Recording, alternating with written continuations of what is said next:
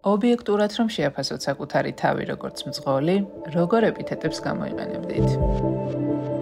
გამარჯობა. ჩვენ მარკეტერიდან ვართ და ეს საინტერესო პოდკასტია. საინტერესო პოდკასტი შექმნილია ცოდნის და ცნობის მოყარე ადამიანებისთვის. აქ განსაკუთრებული ყურადღებით ვარჩევთ თემებს და გიყვებით აუცილებლად მოსასმენ ამბებს. პროექტის წარმოდგენია საქართველოს ბანკი. დაკავთ თუ არა თქვენი ავტომობილი სეზონურ შემოწმებაზე? დროულად უცვლით თუ არა სეზონურ საბურავს? უსმენთ თუ არა მას და საერთოდაც გესმით თუ არა მისი ისე როგორც საჭიროა?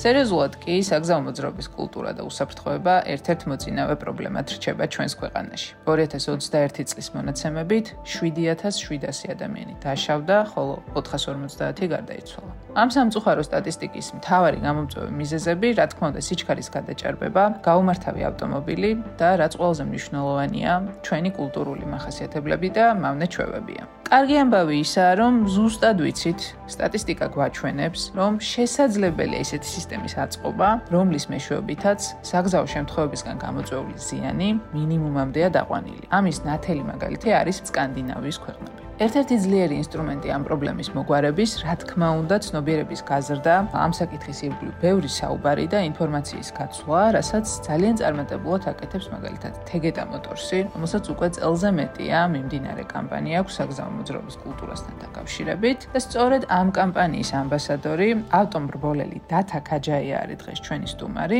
რომელიც გვასწავლის როგორ გავხდეთ მეტად პასუხისგებლიანი და კულტურული მძღოლები და შეგვახსენებს, რომ უმეტეს შემთხვევაში რისკზე წასვლა არ ღირს. მადლობა დათა, რომ მოხვედი ჩვენთან.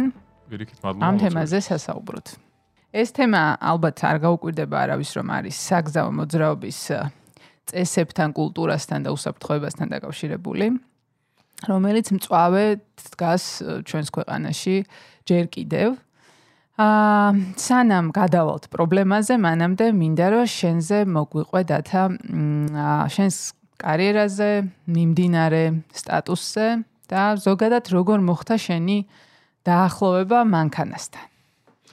აა ჩემს კარიერაზე ცოტა გვიან დამეწყო ეს ისტორია ჩემი და მანქანის კავშირი.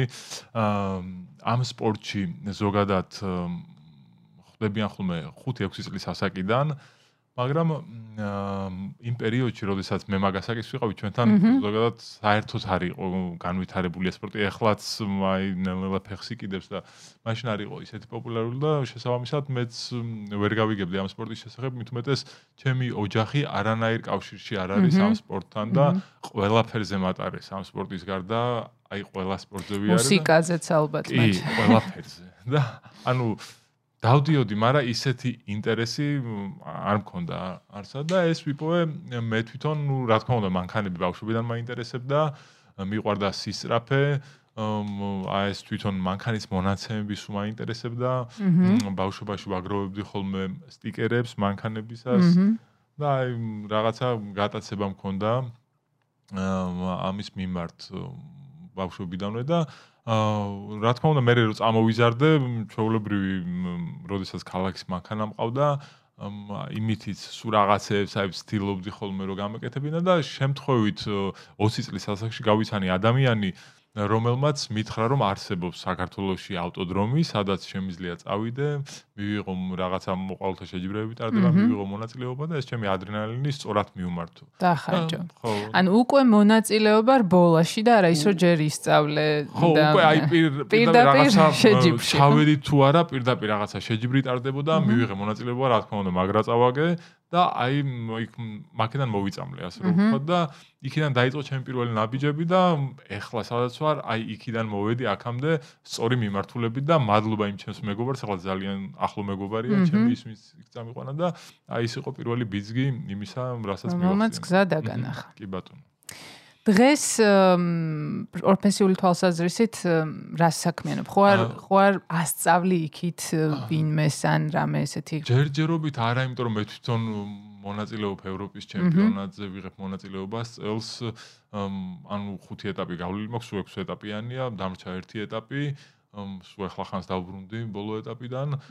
ახლა ვიმყოფები საერთო ჩახლოში მეორე ადგილზე და ბოლო ეტაპი მაქვს და რავი, იმედია წარმატებით დავასრულებ და ანუ ჯერ არ მაქვს იმდენი დრო, ანუ უფრო ჩემ თავს უთმობ დროს, იმიტომ რომ ბევრი დრო ჭირდება ამ სპორტს. აი ვინც არ არის ჩახედული ახლოს, ვერ წარმოუდგენია თუ რატო უნდა ფიზიკური ვარჯიში, რატო უნდა კვების რეჟიმი, მაგრამ ამ სპორტშიც იმხელა დაატვირთვებია თვითონ ავტომობილში ისეთი რთული პირობები არ ბოლის დროს, რომ მაქსიმალურად ფიზიკურად კარგად მომზადებული უნდა იყოს მრბოლელი, რომ წარმატებას მიაღწიოს, ანუ ლიდერობისთვის რომ იბრძოლოს და არა უბრალოდ მონაწილეობა რომ მიიღოს და ანუ ამ ყოლაფრის გამო ამ სპორტსაც როგორც სხვა სპორტს ძალიან დიდი დრო სჭირდება და ამიტომ ბევრი დრო არ მრჩება ხოლმე თავისუფლად. თუმცა არსებობს ხო დღესდღეობით სკოლა შენგან შენი ახალგაზრდობიდან თუ ბავშვობიდან განსხვავებით დღეს შეგიძლია რომ მიხვიდე და პროფესიულად შეისწავლო ეს საქმიანობა.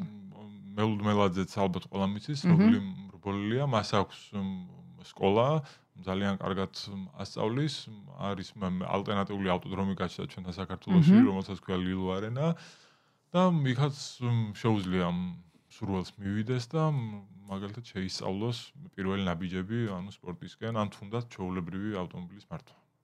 ახსენე რომ ყავდა ავტომობილიო, სანამ გადაწყვეტი რომ ეს არის შენი საქმე, რომელსაც მიუძღვნ შენ ცხოვრებას, ხო? აა რა ავტომობილი იყო ეს პირველი ავტომობილი და თუ გახსოვს როგორი იყო მაშინდელი შენი დამოკიდებულება ავტომობილისადმი და როგორი არის დღეს? თუ შეიცვალა რამე? პირველი ჩემი ავტომობილი იყო საბჭოური წარმოების ეს იყო ნივა. აა რა თქმა უნდა, სულ სხვა სხვანაირი დამოკიდებულება და შეხედულება მქონდა ავტომობილებისადმი, იმიტომ რომ არ მესმოდა თვითონ აა სფერო არ მესმოდა რა საფრთხე შეიძლება მოიტანოს სიჩქარემ. რა სიჩქარეზე შეიძლება სულ უბრალოდ დავკარგო მართვა. სად შეიძლება არ მეყოს მუხრუჭი და გადავარდე გზიდან და აი ასეთი რაღაცები.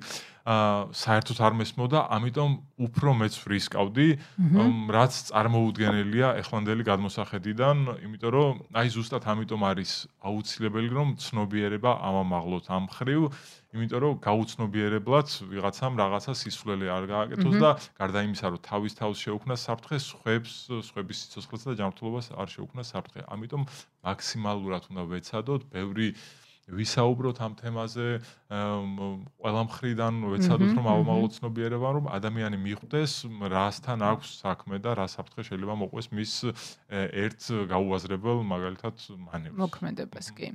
თუ გახსოვს გამოცდა როგორ ჩააბარე მართვის მოწმობის გამოცდა მარტივად ჩავაბარე, არ გამიჭირდა, იმიტომ რომ მანამდე უკვე კარგად ვფლობდი. პატიოსნად თუ ჩავაბარე, ესე გაჩვენე. პატიოსნად ჩავაბარე, იმიტომ რომ რა თქმა უნდა, როგორც ვახსენე, მიყვარდა ავტომობილები ბავშვობიდანვე და პატარაობიდანვე ვიცოდი, ანუ კარგად მართვა ავტომობილის და არ გამიჭირდა გამოცდა. რა უცნაური და სხვა ქვეყნებშიც ესეა, მე მაგალითად 12 წლის ვიყავი, რომ მასწავლეს მანქანის ტარება, თან მექანიკის. რაღაცნაირი ის არის ხოლმე. მეც მქონდა ინტერესი გაღვებული, მაგრამ თვითონ ოჯახის მხრიდანაც მოდის ხოლმე, რომ აი აბა როდის გასწავლო მანქანის ტარება, ხო, რაღაც არ ვიცი, ქართული ფენომენია ეგ თუ ყველგან ასეა, რომ ესეთი პატარა ასაკიდან გვასწავლიან მანქანასთან ურთიერთობას და საჭესთან ჯდომას. მე მგონი უფრო ქართული ფენომენია. ხო, ხო, იმიტომ რომ ეს აი თუნდაც ის ბავშვები რო უზიათ უზით ხოლმე საჭესთან საკუთარ თავთან ერთად კალთაში მართალი, მაგრამ ეგ ხო დაუშვებელი არის, ანუ ყველანაირ უსაფრთხოების ნორმას არღვევს და ალბათ რაღაც ის არის, ხო, ცოტა უფრო ქართული ან მინიმუმ ჩვენი რეგიონის ხო, ალბათ ხო და ადრე უფრო იყო და ეხლა ნელ-ნელა გადადის მოდიდან ასე ვთქვა. კი, კი, კი, კი, იმიტომ რომ მეც წარმოუდგენლად მეჩვენება ხრო მახსენდება 14-15 წლის ასაკში როცა ჯერ კიდევ მართვის მოწმობა არც მქონდა, ხა მართალია ქუჩაში არ დავდიოდი მანქანით, მაგრამ ну აი გადააყენე, გადმოაყენე, გარეცხე, ამ რაღაცებს ვაკეთებდი. როგორ თავდნენ ამის ნებას არ ვიცი. კარგად გამომდიოდა როგორც მახსოვს მეც და ჩემებსაც, თუმცა მაინც სხვადნაირი დამოკიდებულება იყო მაშინ და ეს რადიკალურად შეცვლილია. ჩვენ დროს ასეთი გადატვირთული არ იყო ქალაქის ქუჩები, ამდენი საფრთხე არ იყო და ამდენი საფრთხე არ იყო, კი. თუმცა სტატისტიკაც საინტერესო არის, რა ხდებოდა ადრე იმ წლებში, რომლებზეც ეხლა ჩვენ საუბრობთ და დღეს რა ხდება? მე გადავხედე სტატისტიკას 2021 წლის ავტოსაგზაო შემთხვევები მომხდა პირველი თვალში და არც ისე ცოტა იყო დაახლოებით 7 7000-ზე მეტი ავტოსაგზაო შემთხვევა იყო, სადაც დაზიანდა ავტომობილი. ანუ ის ის შემთხვევები, სადაც არ დაზიანდა ავტომობილი და არ მოხდა ამის დაფიქსირება, ამაში არ შედის, ანუ გაცილებით მეტია ვიდრე 7500 500 თუ 7600. აა და რაც ზან სამწუხარო და საგანგაშო არის ის, რომ ერთ წელიწადში 450 სიცოცხლე შეიწირა ავტოსაგზაო შემთხვევებმა. აა სხვა ქვეყნების სტატისტიკაც ნახე და მივხვდი, რომ საკმაოდ მწვავე პრობლემის წინაშე ვართ ამ კუთხით. თან ჩვენაერი პატარა ქვეყნის. და თან ჩვენაერი პატარა ქვეყნისთვის და ნუ ცხადზე ცხადია ხო ხა ალბათ ყოველს ყოლია უცხოელი სტუმარი, რომელიც აღშფოთებული გვიყვება ჩვენს ტრაფიკზე და ძალიან უკვირთ ხოლმე, რომ საერთოდ როგორ დადიხართ მანქანითო და ნუ ძალიან თვალსაჩინოა ეგ რომ ჩვენს ქვეყანაში დგას ეგ პრობლემა და სამუშაო არის მაგ კუთხით. შენ დღეს როგორც მძღოლი აი რა გამოწვევებს აწყდები და რა მიგაჩნია მთავარ გამოწვევებად ჩვენი ქვეყნის ამ მიმართულებით? აა ისევ და ისევ მივდივართ ალბათ იმასთან რომ პირველ რიგში უნდა დავიცვათ საგზაო მოძრაობის წესები, რა თქმა უნდა. კულტურა გვჭირდება რომ დავხვეწოთ ამ მიმართულებით, ვიყოთ უფრო დამთმობები, აი გადავეჩვიოთ რაღაცა უეცარ მანევრებს, უეცარ ჩაირო ეკვეხებით სადღაც, აი ყოველას რო ეჩქარება რეალურად ამ სიჩქარის გამო აგვიანდება თვითონ იმასაც და სხვასაც აგვიანებს. აი აი ასეთი რაღაცები, ელემენტარული რაღაცები, რომ გამოვასწოროთ უკვე რაღაცნაირად წინ ვიქნებით და რაღაცნაირად უფრო ცივილური გახდება ეს ჩვენი ავტომობილებით გადაადგილება. და ჩვენი ცხოვრება, იმიტომ რომ ცხოვრება კი რა თქმა უნდა. ფაქტობრივად ჩვენ ქალაქში მაინც არ არის საზოგადოებრივი ტრანსპორტი ისეთი მოქნილი, რომ სრულად დაფაროს ჩვენი საჭიროებები გადაადგილების და მაინც აქტიურად ვიყენებთ მანქანებს სამწუხაროდ. თუმცა ეს მგონია, რომ აუცილებლად მოგვიწევს ამის შეცვლა ცნელ-ნელა. მაგრამ ნუ მანქანა საჭირო რამეა ჯერჯერობით თბილისში და ძალიან რთული და გავსაძლისი გახდა მანქანასთან ერთად ჰარმონიულად თან არსებობა და მით უმეტეს ალბათ ეს ტემპი ცხოვრების რაშიც ახლა ჩვენ ვართ დღეს რო აი ყველა სადღაც გვეჩქარება ყველაფერი ძალიან მალე უნდა მოვასწროთ ძალიან დაძაბულები ვართ ანუ ეს დინამიკა რაც დღეს არის ჩვენ ცხოვრებაში კიდე უფრო ამწავებს მაგ პრობლემას იმიტომ რომ ყველა განერვიულებულია ყველა დაძაბულია ყველას უნდა რომ სადღაც დროულად მივიდეს და კიდე უფრო გამწავდა ჩემი აზრით ამ პრობლემის გამოვლინება ზუსტად ეგრეა კი. მაგრამ თავარი თავარი ფაქტორები, რაც განაპირობებს ავტოსაგზაო შემთხვევებს და უსაფრთხოების დარღვევას, მაინც არის ალბათ სიჩქარის გაჭირვება და გაუმართავი მანქანები, ხო? კი, სამწუხაროდ აი წეღანაც საუბრობთ, რომ აი სოციალურ ქსელში აღარ მინდა ხოლმე შესვლა, იმიტომ რომ ყოველ დღე რაღაცა ხდება პოსტი რომ აი დიდი სიჩქარით მიმავალი ავტომობილი დაეჯახა ამას და ასე სამწუხაროდ გარდაიცვალა ამდენი და სულ აი ყოველდღიურად ხდება ხოლმე ასეთი რაღაცეები. ანუ ძირითადი პრობლემა ჩვენი არის ის ისევ და ისევ რჩება ის რომ გადაჭარბებული სიჩქარე ვერ მივეჩვიეთ იმას ანუ ვერ გაიაზრა ხალხმა რა მხელა საფრთხე მოყვება თან მარტო ჩვენ თავზე ხოლმე ვიფიქროთ ამ შემთხვევაში ჩვენ უქმნით ძალიან ბევრ ადამიანს. საფრთხეს, ბევრი გამოუცდელი ადამიანი ზის საჭესთან გადაადგილება ოჯახთან ერთად გადაყავს ბავშვები, პლუს ქვეითი, პლუს ქვეითი კი, რა თქმა უნდა და აი ამ მე საერთოდ წარმოუდგენლად მიმაჩნია რომ ასეთ მოძრაობაში როგორ უნდა იარო აი ასე ჩქარა როგორც ხდება ხოლმე ავტოსაგზაო შემთხვევები ჩვენთან უბრალოდ აი რატო რისკავენ ადამიანები არ ვიცი.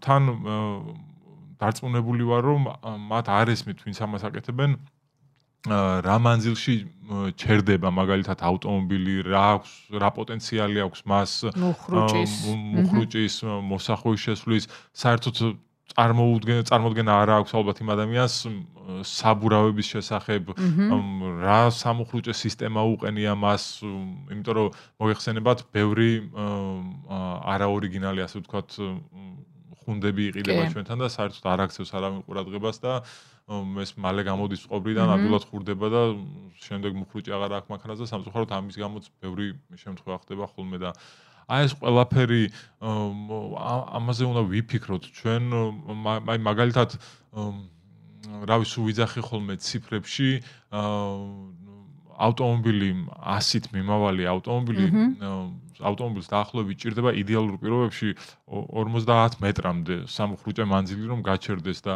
ამ რაც ავტოსაგზაო შემთხვევები ხდება მოგეხსენებათ აზე ბევრად მეტი სიჩქარე ხდება და როცა სიჩქარე იზრდება ეს კი არ ორმაგდება სამხრუჭე მანძილი სამაგდება და ოთხმაგდება პირიქით და წარმოიდგინეთ 200 და 300 მეტრი ჭირდება ჩქარა მიმავალ ავტომობილს გაჩერებამდე და ამ მანძილზე ძალიან რთულია რომ ძალიან რთულია კი რომ აი ვიდეო საჭე საჭე ამიტომ რა ვიცი და კიდე ამას ემატება აი წეგან რო ვახსენეთ ავტომობილის მომზადება გამართულია თუ არა ის ავტომობილი ნორმალური საბურავი უყენია თუ არა და ასე შემდეგ. აი საიდან უნდა იცოდეს ეს ყველაფერი?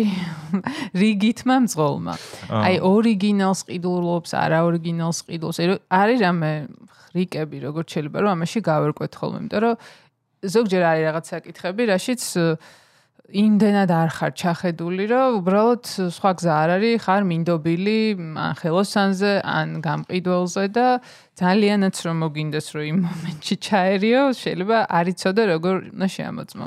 რამე მექანიზმი თუ არ, ანუ გარდა იმისა რომ მიხვიდე ალბათ სანდო ავტოსერვის ცენტრებში. უფრო ეგ, იმიტომ რომ ბევრ ადამიანს რა თქმა უნდა ვერ მოთხოვ რომ გაცნობიერებული იყოს ამ ყველაფერში და ის უნდა მივიდეს აი სანდო სერვის ცენტრში, იქიდან მიიღოს კონსულტაცია და რა თქმა უნდა გარანტიები რომ ეს არის ის დეტალი რომელიც არის ასე ვთქვათ ორიგინალი და იმ მოთხოვნებს დააკმაყოფილებს რაც სჭირდება მას.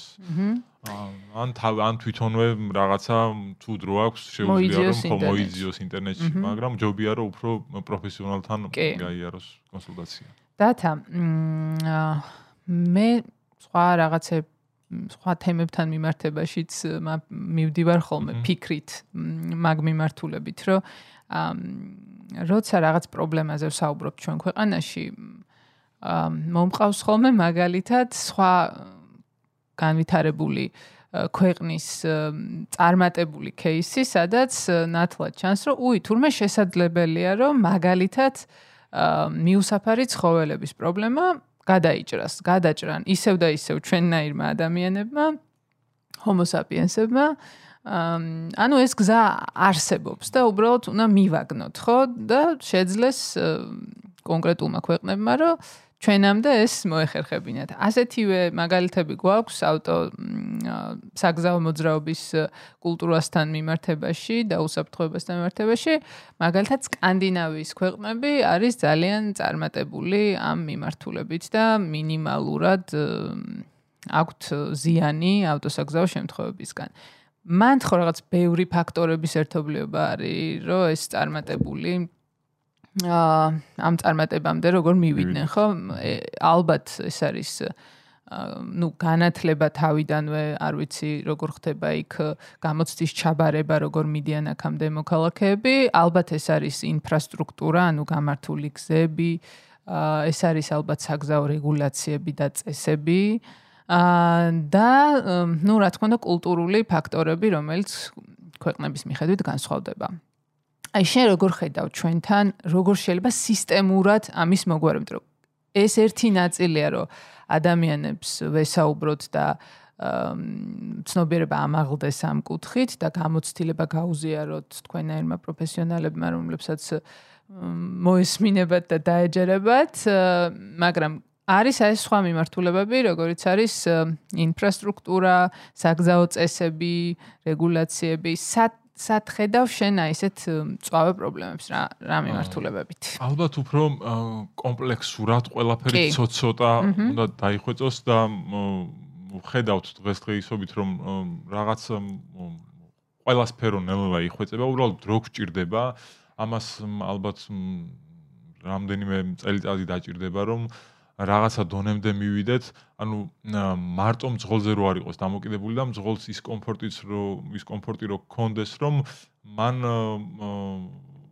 და ყველანაირად დაიცვას ეს საგზაო მოძრაობის წესები და რაღაცა ისეთ შეფერხების წინაშე არ დადგეს რომ საურჭოფო იყოს ეს ბრძოლის ბრალი იყო თუ რაღაცა იქ არასწორად იყო დახაზული თუ თუ ასე შემდეგ და ჩემი აზრით ამ ყველაფერს უბრალოდ დრო ჭირდება და ყველა სფეროში ნელ-ნელა წინ უნდა დავიხვეწოთ, რათა მივიღოთ აი ასეთი სურათი, მაგრამ მაინც ჩემი აზრით უმნიშვნელოვანესია რომ ხალხმა შეუწყოთ ხელი და აი კულტურა ავიმაღლოთ რომ რაღაცნაირად მინიმუმ მინიმუმამდე დავიყვანოთ დღეს რაც ხდება ავტოსაგზაო სფეროში.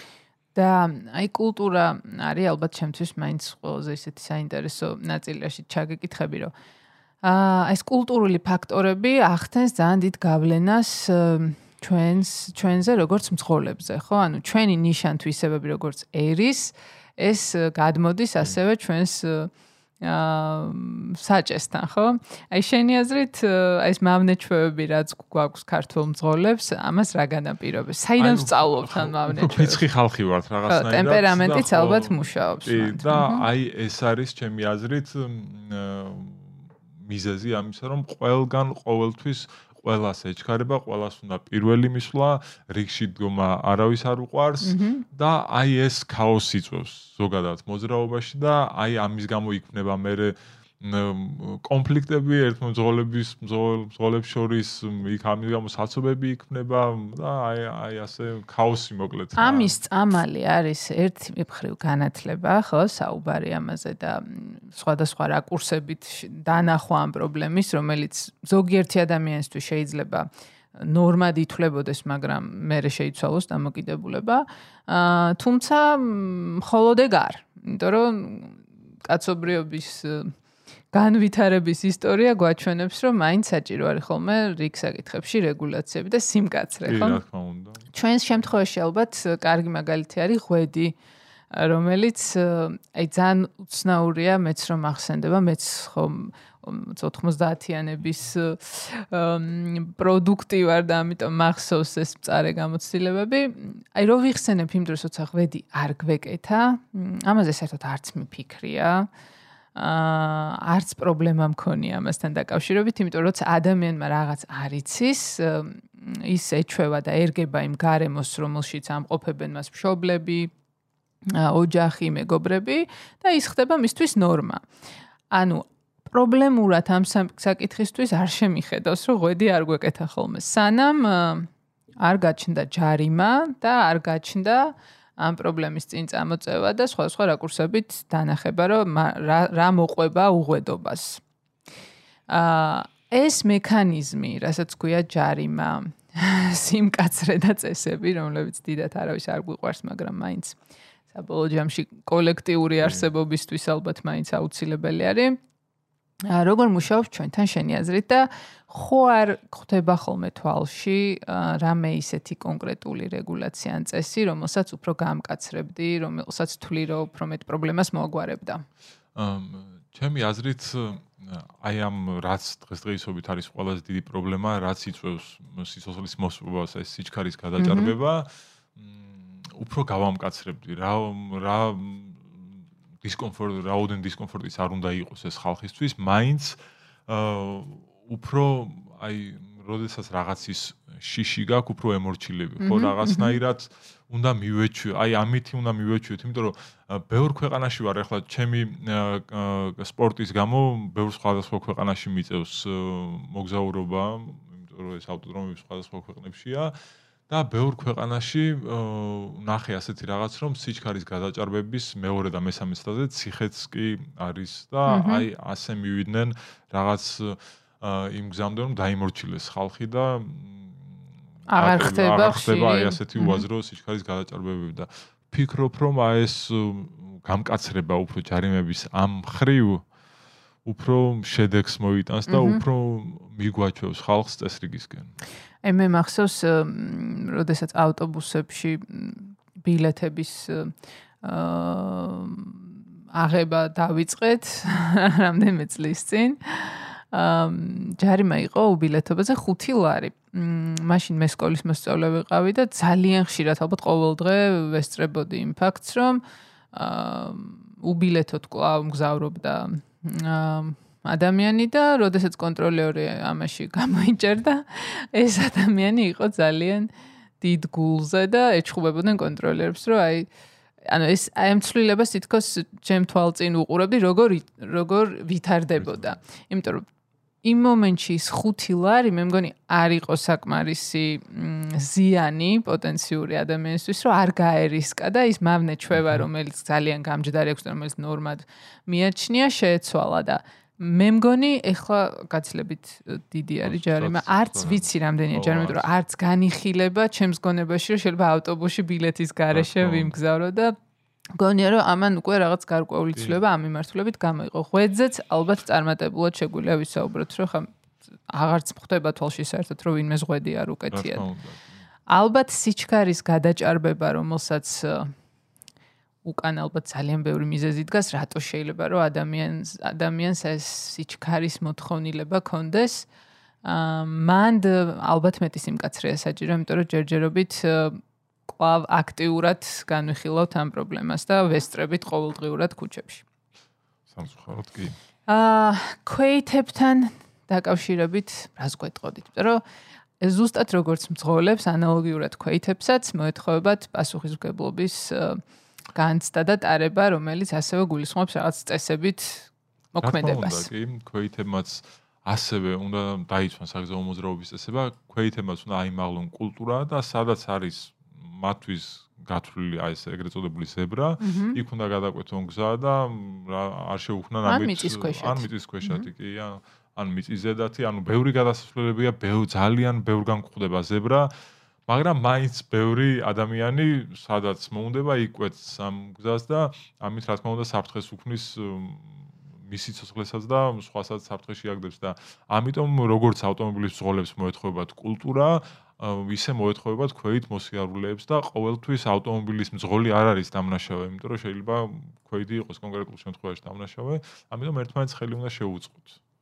აი, თქვათ მძღოლები აბარებენ გამოცდას და სწავლობენ და ეცნობიან ამ წესებს. ქვეითების შემთხვევაში როგორ როგორ უნდა მოხდეს შენი აზრით ამ ცნობადობის გაზრდა ამ საკითხებზე და მათი ცნობიერების ამაღლება და ამ კულტურის შემუშავება, რომელიც ვიცით რომ შესაძლებელია რომ გადავიდეთ მხოლოდ ზებრაზე, გადავიდეთ მხოლოდ მიწისქვეშეთში და არ გავრისკოთ ხოლმე და არ გადავირბინოთ შუა მაგისტრალებზე. ხო, მე მგონი ძალიან მარტივია, იმიტომ რომ ყველა გადასასვლელზე არის ნიშანი, არის დახატული თვითონ ადამიანი რო გადასვლა შეიძლება და აი ეს არის მაგმხრივ ალბათ ცნობიერების ამაღლება, რომ ბევრ ადგილზე არის მინიშნება, სადაც ვიზუალური მინიშნება, სადაც რავი ნებისმიერი ადამიანი დაინახავს, რომ ეს არის მისთვის განკუთვნილი ადგილი, სადაც შეიძლება გადაკვეთოს გზა.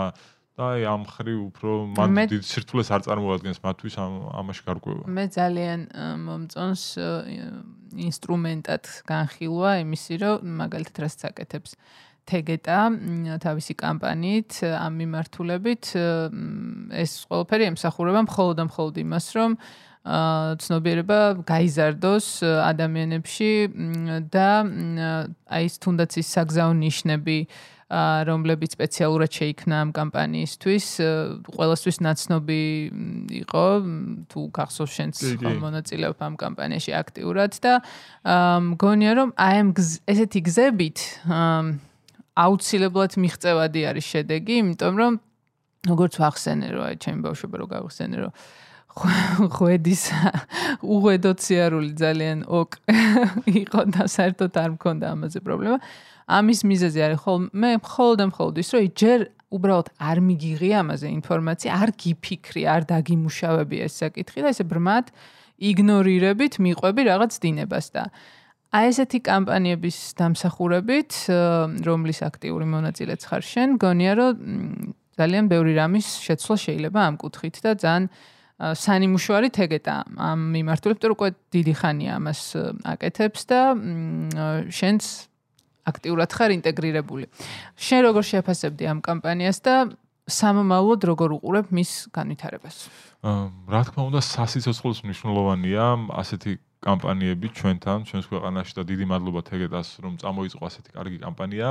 ეს არის მაგალითი ალბათ სხვა კომპანიებისთვის, რაც უფრო მეტი ჩაერთვება აი ასეთ კამპანიაში, უფრო კარგი იქნება და უფრო ავამაღლებს ცნობიერებას ამ ხრივ, რაც უფრო მეტი ცნობილი ადამიანი ისაუბრებს ამაზე, ჩემი აზრით უფრო შედეგიანი, კი, მეტი პროფესიონალი, უფრო შედეგიანი იქნება ეს ყველაფერი და რა თქმა უნდა, ეს თავის შედეგს გამოიღებს და უკვე უკვე გამოღებული აქვს შეიძლება კი.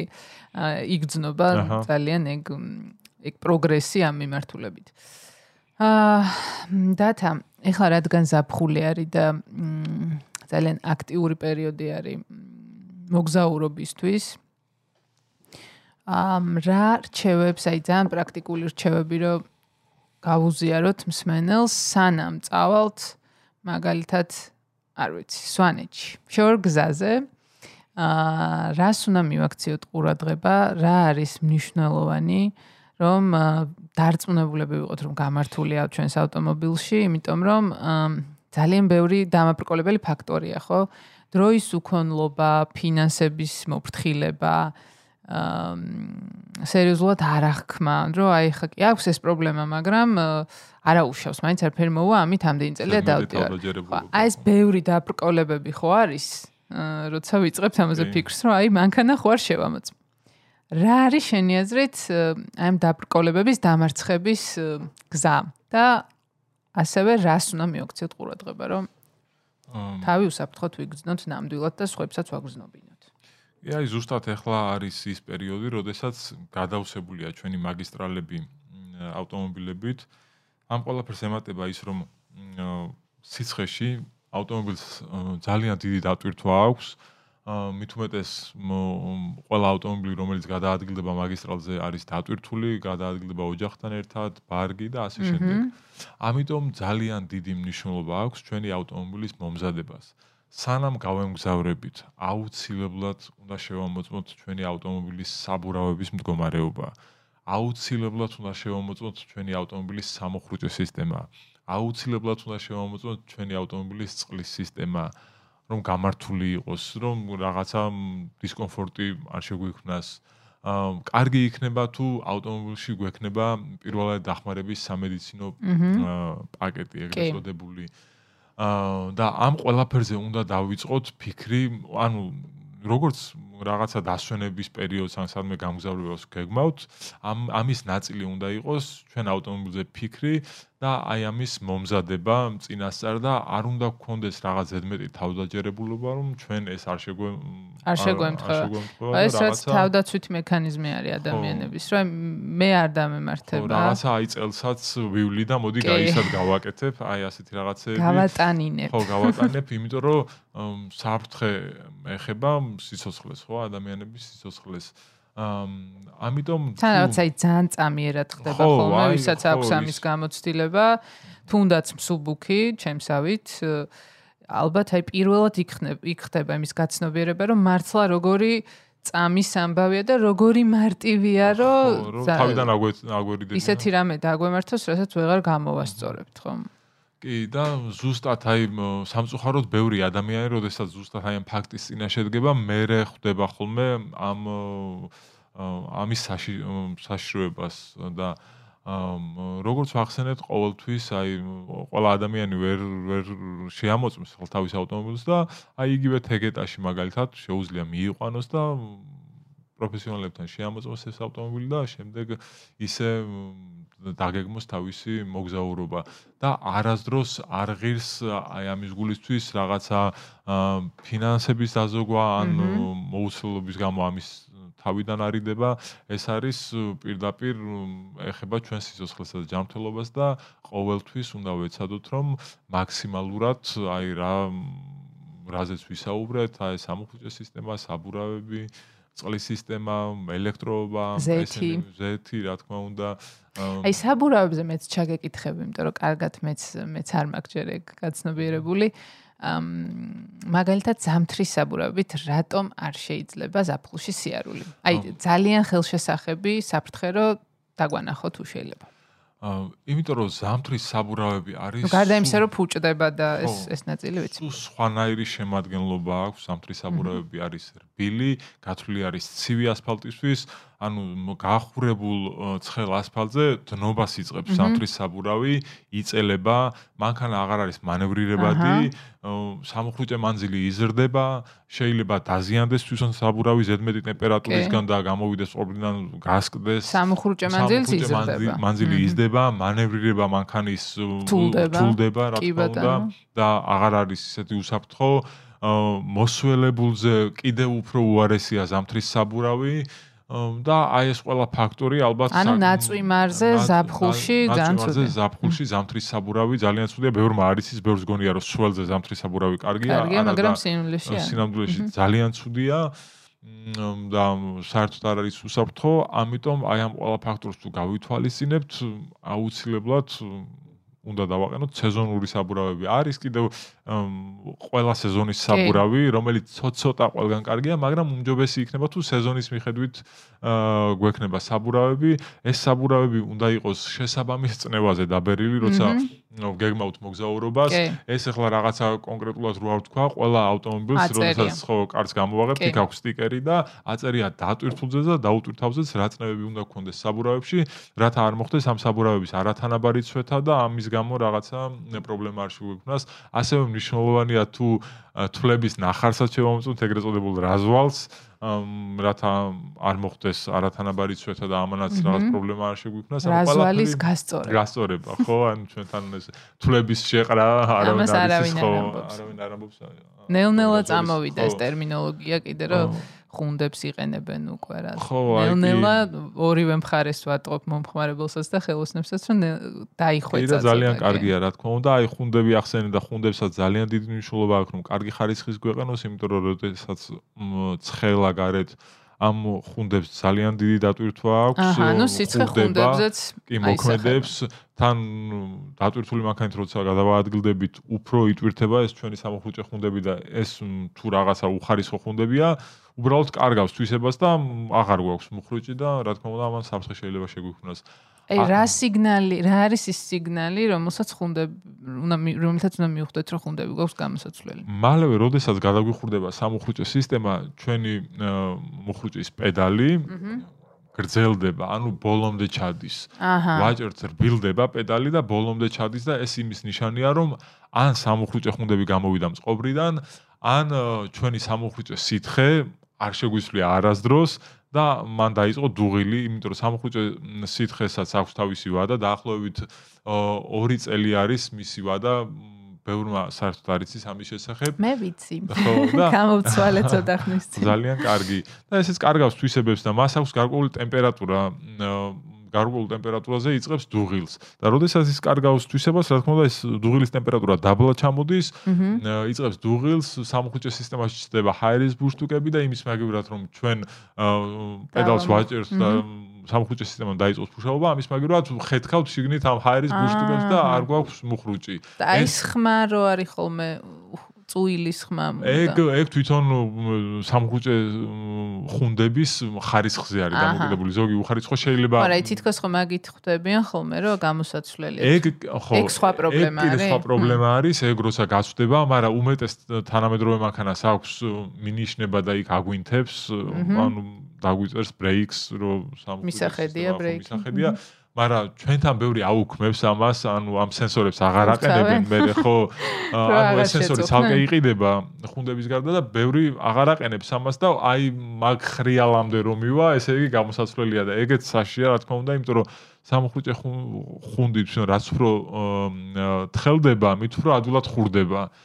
და ამიტომ უმჯობესია რომ ხო მეც როგორც მძღოლი გისმენთ და ხვდები რომ ძალიან საინტერესოა რომ აი ესე ახსნას ვინმე აი ეს პრობლემები, იმიტომ რომ სხვა შემთხვევაში როცა არ ხარ ჩახედული, მარტივად შედის და გამოდის მეორე ყურიდან. ხო და ამიტომ როცა კარგად ლოგიკურად აიხსნება ისე როგორც ახლა შენხსნი, მაგ დროს უფრო გამახსოვრდება კიდეც, რომ აი რატო უნდა მიექცე ამას ყურადღება და ძალიან კაია ეს. ზუსტად აი წეგანას რომ ახსენეთ, რომ რო გვინთებს მანქანა, ბევრი ადამიანი მაგალითად როცა აუნთებს, არის თვითონ ამ ხუნდებზე დარჩენილი კიდევ რაღაცა და ეს თulis რომ ადრეან თუ ამანდა დადის ეს ზუსტად იმიტომ არის გაფრთხილი რომ წეგან ვახსენეთ რომ რაც უფრო თხელდება უფრო ხურდება ეს სამუხუჭე სისტემა და საფრთხე შემცველია და აი ასეთი ელემენტარული რაღაცები რომ გავითვალისწინოთ და სერვისები თავის დროზე გავატაროთ ჩვენს ავტომობილს სრულიად დაცული ვიქნებით და უსაფრთხო იქნება ჩვენი მოგზაურობა. საერთო ჯამში, რასაც ძალიან უფრთხილდებიან ხოლმე ადამიანები და ცდილობენ რომ ვითომ ეკონომია გაკეთდეს ამ იგნორირებით, პირიქით უფრო დიდ ხარჯამდე მივდივართ ბოლოს და ესე დროული ჩარევებით და ჩეკაპებით ხარჯის მინიმიზაცია ხდება.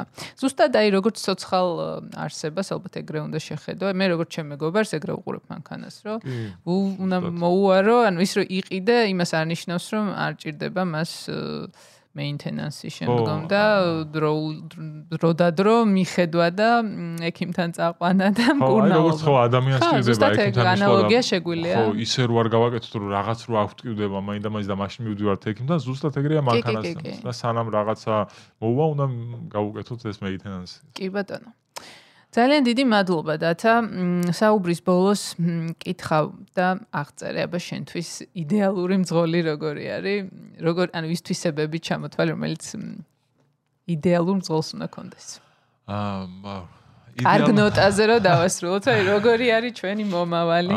ალბათ აი ამ ყველაფერზე რაზეც რაზეც ვისაუბრეთ, როდესაც იცავს ამ ყველაფრის წესებს, როგორც ავტომობილის მომზადების მხრივ, ასევე კულტურის მხრივ ჯერ იწებს ინფორმაციის მოძიებას. თუ არ აქვს ხო. თუ არ აქვს რა თქმა უნდა ინფორმაციის მოძიებას ამ გაცნობიერებას ამ ყველაფრის კიდევ ჩვენ არ ვახსენეთ აი ამ ამაზე გამახსენდა რომ ღვედი რო ვახსენეთ ბევრი ადამიანი გვხვდება ვისაც ბავშვი წინ აი კალთაში უზის და ესე გადაყავს ესეც რა თქმა უნდა დაუშვებელია და არის ამისთვის ქარსითები და თუმცა თანამედროვე მშობლებიდან ჩემირგული მართლა არ შემხვედრია. ხო ეს ალბათ პროძველთაობას პროძველთაობას და ესეც ვახსენოთ აი ამ ესეც რაღაცნაირად რამდენად სასიხარულოა, როდესაც ადამიანს დაინახავ და ბავშვი მაგალითად ქარციტში უზის და არა კალთაში და აი ასეთი მძღოლი, რომელიც კულტურას იცავს, რომელიც წესრიგს იცავს, რომელიც ავტომობილს მეინტენანს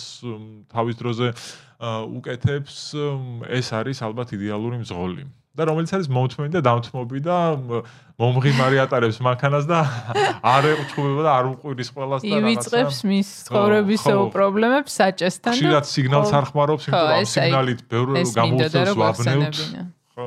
ეს ძალიან ჩემთვის წითელი ხაზი არის ბევრი სიგნალი ანუ ერთიც წითელი ხაზი არის თუ არასწორად არის გამოყენებული და უნდა და ზოგი რო დააჭეს აღარ ზოგი ნუ მთელ თავის ემოციურ ვენტილაციას ახდენს ამ სიგნალებში და ნუ ხო ალბათ მაგიტომ ვამბობდი რომ ამის უკან კიდე ბევრი სხვა პრობლემა არის ჩართული ეგ ჩვენი მენტალური მდგომარეობა ჩვენი ეკონომიკური სტატუსი და სოციალური და ასე შემდეგ. ამიტომ მარტივად ეს პრობლემა მოგვარებადი არ არის, თუმცა ესეთი საუბრები არის, რაც თითო აგური, თითო ადამიანის მიერ დადებული და ძალიან დიდი მადლობა მოკლედ დათა. მადლობა მოწვევისთვის. საინტერესო საუბრებისთვის.